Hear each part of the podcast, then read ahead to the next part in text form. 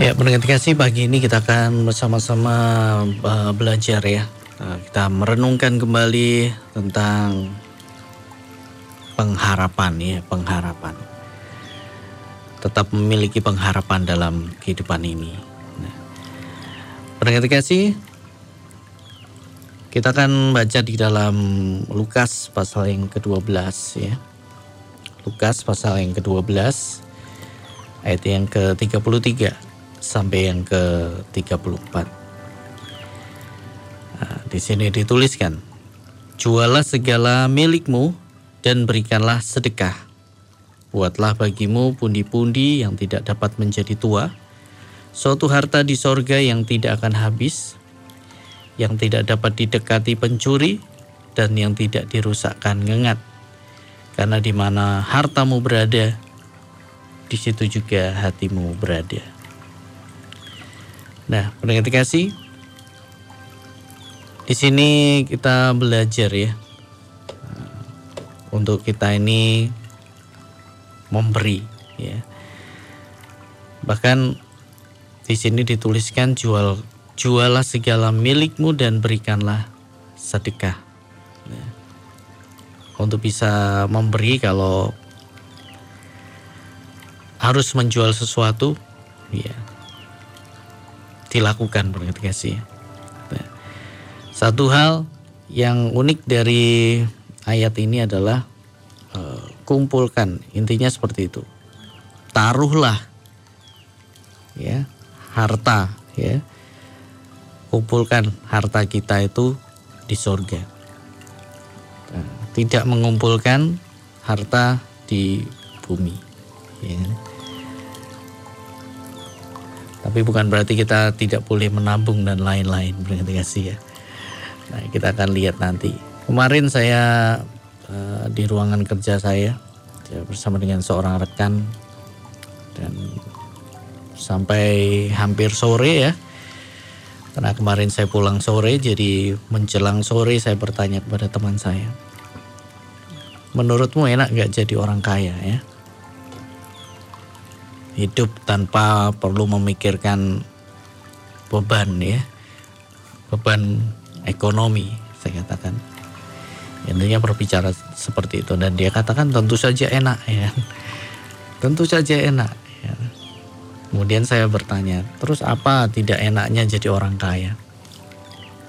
Dia jawab jadi orang kaya sebenarnya nggak ada nggak enaknya ya kan kecuali kalau dia itu e, banyak tingkah intinya seperti itu. Nah, kalau orang kaya tingkahnya macam-macam, ya dia bisa jatuh ya kan, terlibat ini dan itu. Ya. Karena dengan kekayaannya dia bisa lakukan apa saja. Hmm. Tapi pasti benar kasih kalau kita e, merenungkan ya, sebenarnya apa nggak enaknya jadi orang kaya? Yeah. Oh banyak pendengar dikasih ya, banyak. Ya. Jadi ada pergumulan tersendiri uh, buat orang kaya, ada pergumulan sendiri buat orang yang yang tidak kaya, maksudnya secara harta, begitu ya.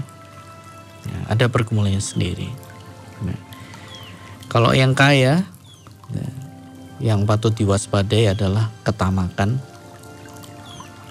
Ya tamak kasih ya. Tamak itu artinya sudah punya banyak masih kurang ya kan? Uh, sudah punya segalanya tapi ingin menguasai milik orang yang uh, milik orang yang ya yang punyanya hanya itu tapi ingin dikuasai juga. Nah ini bahaya dari kekayaan. Kenapa? Karena sudah sangat cinta dengan uang cinta berkaitan dengan hati berarti kasih ya. Nah jadi bahaya ketamakan itu ada, eh, bahaya yang mengancam nyawa itu juga ada ya kan, karena ada orang-orang kaya yang karena kekayaannya justru didatangi perampok, ya kan? Eh, pencuri, dicuri.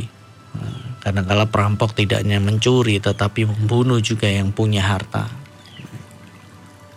pergumulan orang kaya juga banyak ya. Selalu khawatir, khawatir dengan hartanya. Khawatir hartanya dicuri ya kan.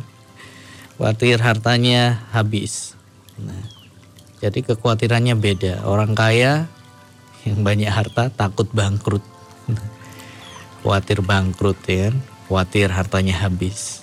Kalau orang yang sedang bergumul dalam kehidupannya, khawatirnya apa besok makan apa ya kan?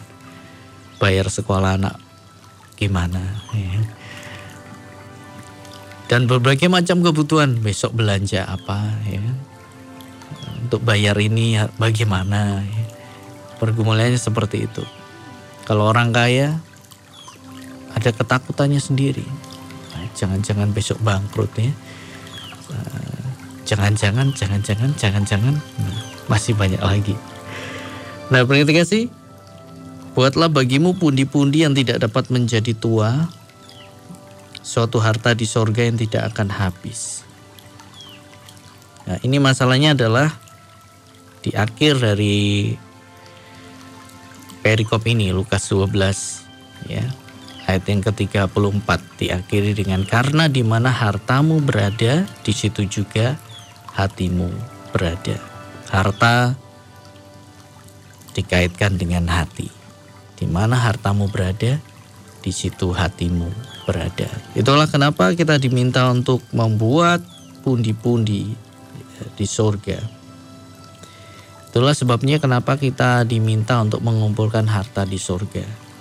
Supaya hati kita juga selalu tertuju kepada surga. Berarti kasih. Itu intinya ya. Jadi bukan uh, untuk kita ini nggak boleh nabung, tidak tapi di manakah hati kita sekarang berada? Nah, di mana hartamu berada, di situ hatimu berada. Ya, Anda bisa coba ya.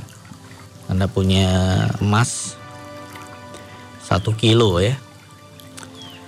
Kemudian Anda pergi ke suatu tempat, Anda cangkul tanah, Anda masukkan emas satu kilo itu, Anda tutup uh, dengan tanah ya. Anda tanam di sebuah tempat ya yang pokoknya rahasia. Anda berikan tanda nah, di situ. Kemudian Anda akan tinggal emas satu kilo ya. Itu harta yang sangat banyak yang Anda miliki. Nah, setelah itu Anda pulang, Saya percaya walaupun di rumah ya tapi pikiran anda pasti akan terus teringat di mana emas satu kilo itu ditanam ya kan? Anda akan terus memikirkannya. Ya.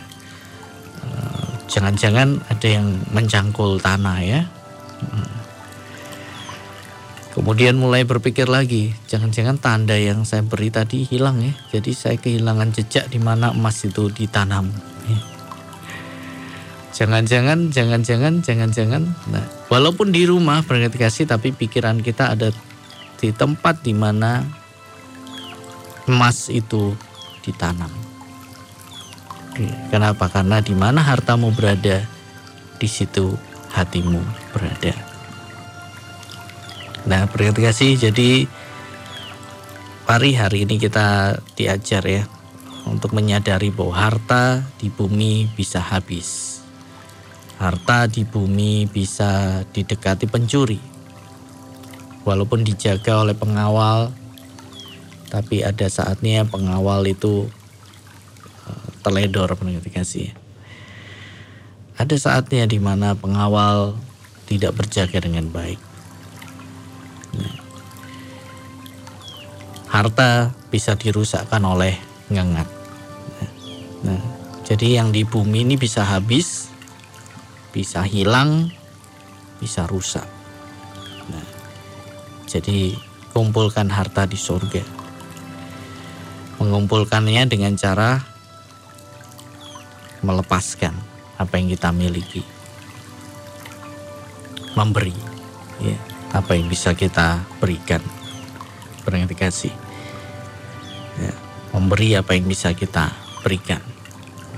Sekali lagi, apa yang ada di dunia ini bisa habis, bisa hilang, bisa rusak.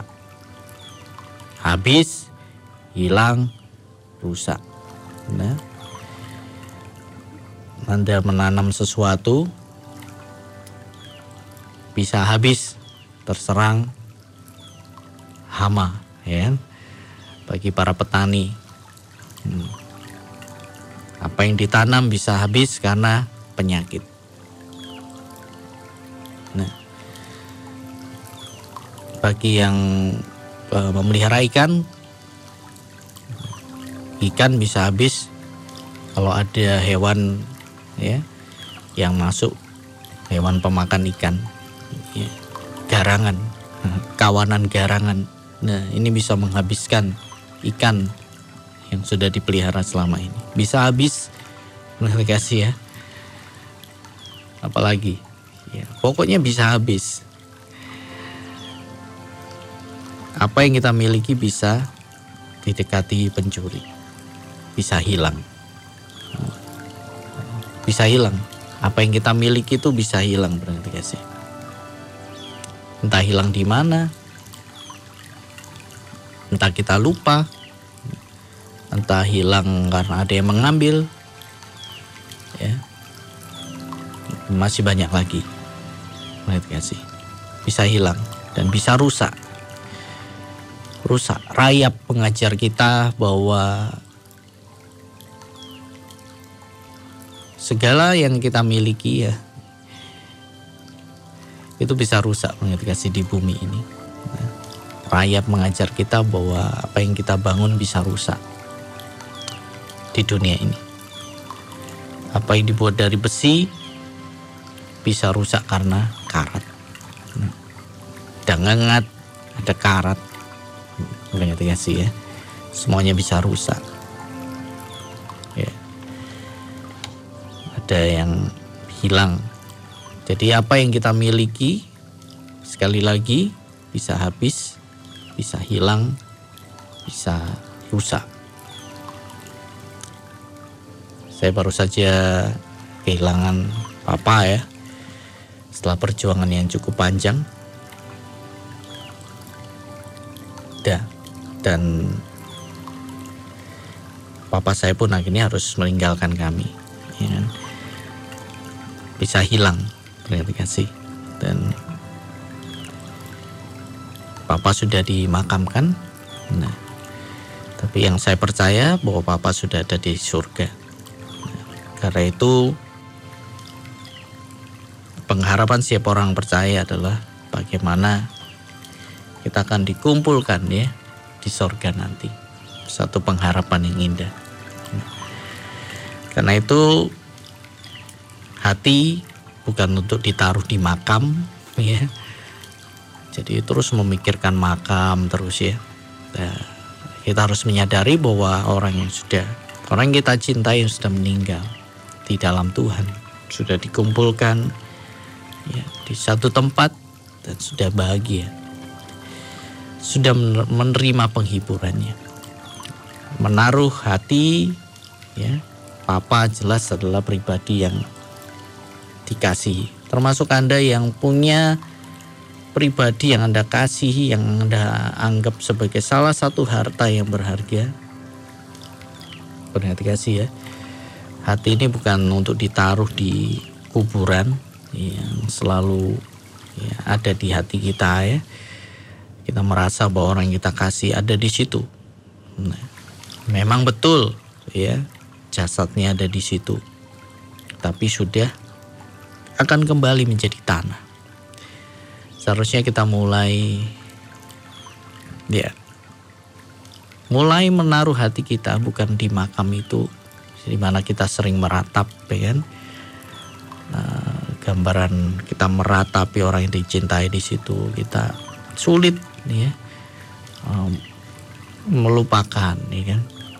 Memang tidak untuk dilupakan tetapi sulit melupakan kepedihan. Nah kita perlu untuk memindahkan hati kita kalau kita yakin bahwa orang yang kita kasih bukan di makam itu di bumi ini tapi sudah ada di surga ya, sudah ada di satu tempat penghiburan ya. maka hati kita akan bersuka cita kasih. Karena itu orang percaya tidak boleh berduka cita berlarut-larut ya. Karena kita sadar bahwa orang yang kita kasihi sudah menerima penghiburan. Kalau kita tahu mereka sudah mendapat penghiburan di tempat yang indah, mari kita ya memikirkan ya bagaimana kita bisa bersatu dengan mereka, dikumpulkan ya bersama-sama dengan orang-orang yang tetap punya iman ya sampai akhir hidupnya. Kemudian dikasih. Jadi menaruh hati kita di sana. Nah, hari ini di manakah hati kita berada? Di bumi ataukah di surga? Kemudian dikasih. Di bumi ataukah di surga? Nah, biar hati kita ada di surga. Nah, karena sekali lagi segala yang ada di bumi ini ya bisa habis, bisa hilang dan bisa rusak. Taruh harta kita di surga. Supaya apa? Supaya hati kita selalu ada di sana. Dikasih. Karena dunia penuh dengan sesuatu yang bisa hilang ya, bisa habis, bisa rusak. Di manakah hati kita sekarang berada dengan dikasih?